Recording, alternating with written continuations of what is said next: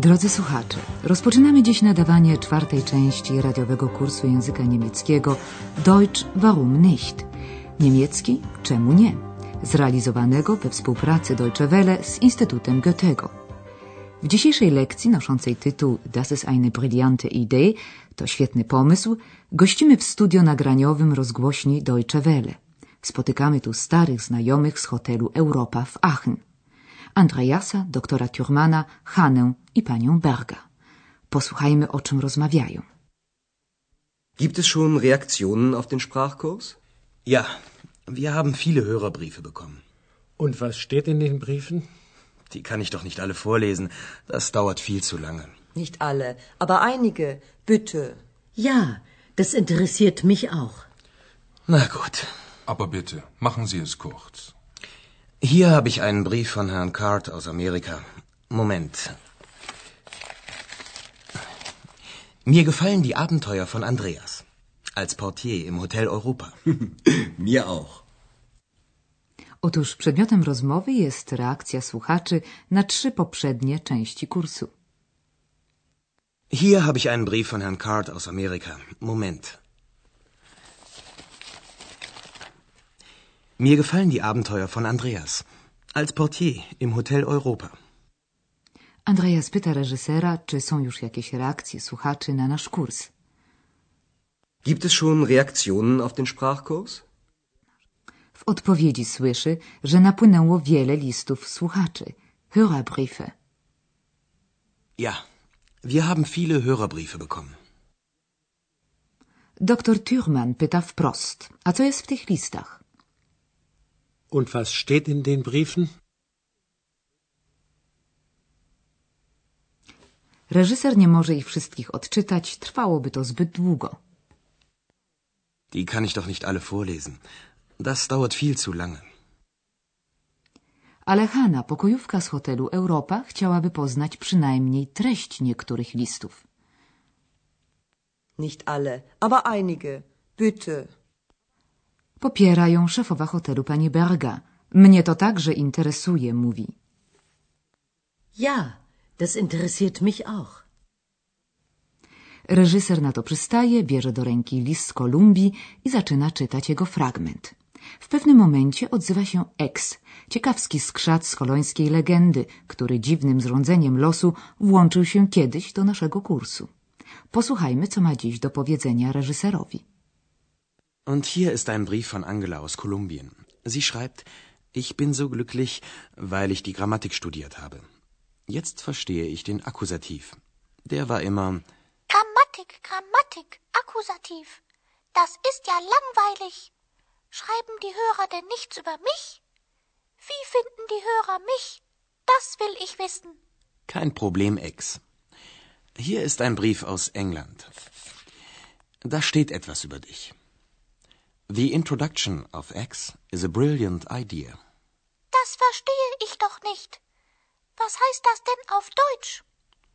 Du bist eine brillante Idee. Idee? Wieso bin ich eine Idee? Ich bin ich. To cały Ex. Interesuje go tylko to, co dotyczy go bezpośrednio. Mówi dużo i szybko, może zresztą dlatego, że jest niewidzialny i tylko w ten sposób może zaakcentować swoją obecność.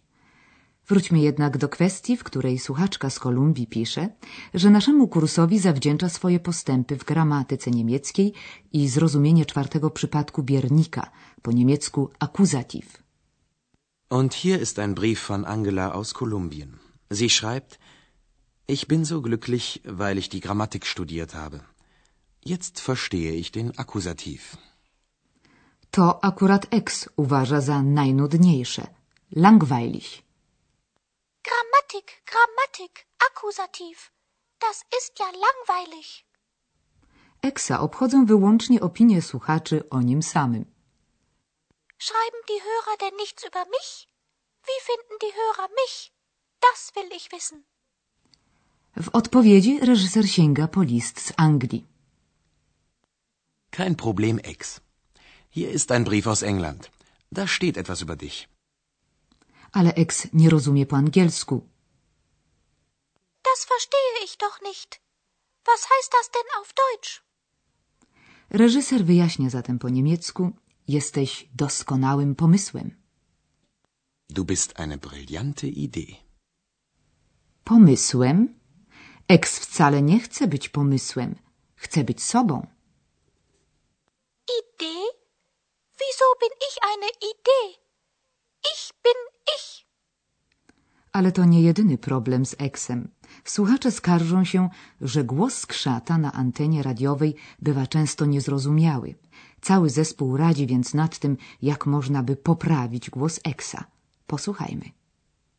Das hier ist noch ganz wichtig. Manche Hörer schreiben, dass sie Ex nicht so gut verstehen. Wir können ihr ja eine andere Stimme geben. Probieren wir es doch mal. Ex, sprich mal etwas. Bei dem Zauberwort sollte ich das Buch verlassen und. Okay, stopp. Und noch einmal bitte. Bei dem Zauberwort sollte ich das Buch verlassen und... Ja, kann Ihre Stimme nicht ganz normal bleiben? Nein, Ex ist ja eine besondere Person, ein weiblicher Kobold. Da braucht sie auch eine besondere Stimme. Das finde ich auch. Aber das ist ein technisches Problem. Das lösen wir später. Na początku tej scenki reżyser wyjaśnia, że słuchacze mają trudności ze zrozumieniem Eksa. Das hier ist noch ganz wichtig. Manche Hörer schreiben, dass sie Ex nicht so gut verstehen. Andreas proponuje więc, aby przydzielić Eksowi inny głos. Wir können ihr ja eine andere Stimme geben. Na próbę skrzat ma wypowiedzieć zdanie na zaklęcie miałem opuścić książkę, co zresztą odpowiada prawdziwej historii Eksa. Bei dem Zauberwort sollte ich das Buch verlassen und. Doktor Thürmann zapytuje, czy głos Eksa nie mógłby brzmieć całkiem normalnie. Ganz normal. Kann Ihre Stimme nicht ganz normal bleiben? Reżyser wyjaśnia, że Eks jest skrzatem, koboldem, a więc postacią wyjątkową. Besondere Person. I dlatego powinien mieć specjalny głos. Nein, Ex ist ja eine besondere Person, ein weiblicher Kobold. Da braucht sie auch eine besondere Stimme. W tym tkwi też pewien problem techniczny. Technisches Problem, wyjaśnia reżyser. Aber das ist ein technisches Problem. Das lösen wir später. Jaki to problem wyjaśnimy przy innej okazji, a teraz powtarzamy całą scenkę od początku.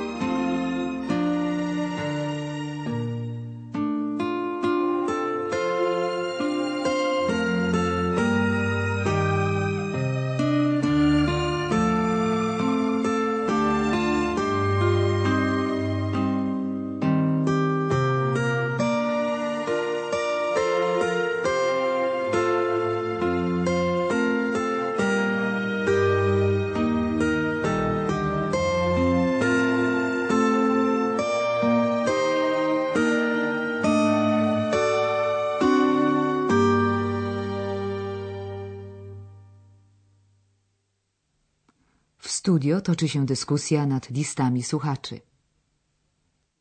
Gibt es schon Reaktionen auf den Sprachkurs? Ja, wir haben viele Hörerbriefe bekommen. Und was steht in den Briefen? Die kann ich doch nicht alle vorlesen. Das dauert viel zu lange. Nicht alle, aber einige. Bitte. Ja, das interessiert mich auch. Na gut. Aber bitte, machen Sie es kurz. Hier habe ich einen Brief von Herrn Card aus Amerika. Moment. Mir gefallen die Abenteuer von Andreas. Als Portier im Hotel Europa. Mir auch. Eksa interesuje tylko to, co pisze się o nim samym. Und hier ist ein Brief von Angela aus Kolumbien. Sie schreibt, ich bin so glücklich, weil ich die Grammatik studiert habe. Jetzt verstehe ich den Akkusativ. Der war immer Grammatik, Grammatik, Akkusativ. Das ist ja langweilig. Schreiben die Hörer denn nichts über mich? Wie finden die Hörer mich? Das will ich wissen. kein Problem, Ex. Hier ist ein Brief aus England. Da steht etwas über dich. The introduction of X is a brilliant idea.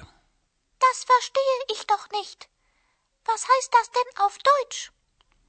Du bist eine brillante Idee. Idee? Wieso bin ich eine Idee? Bin ich. Teraz wszyscy radzą, jak poprawić głos Exa.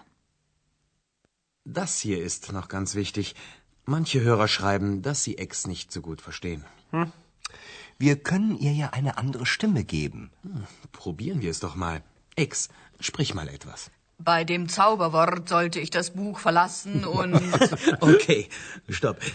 Und noch einmal bitte. Bei dem Zauberwort sollte ich das Buch verlassen und. Ja, kann Ihre Stimme nicht ganz normal bleiben? Nein, Ex ist ja eine besondere Person, ein weiblicher Kobold. Da braucht sie auch eine besondere Stimme. Das finde ich auch. Aber das ist ein technisches Problem. Das lösen wir später. I to już wszystko na dziś. Do usłyszenia w następnej lekcji.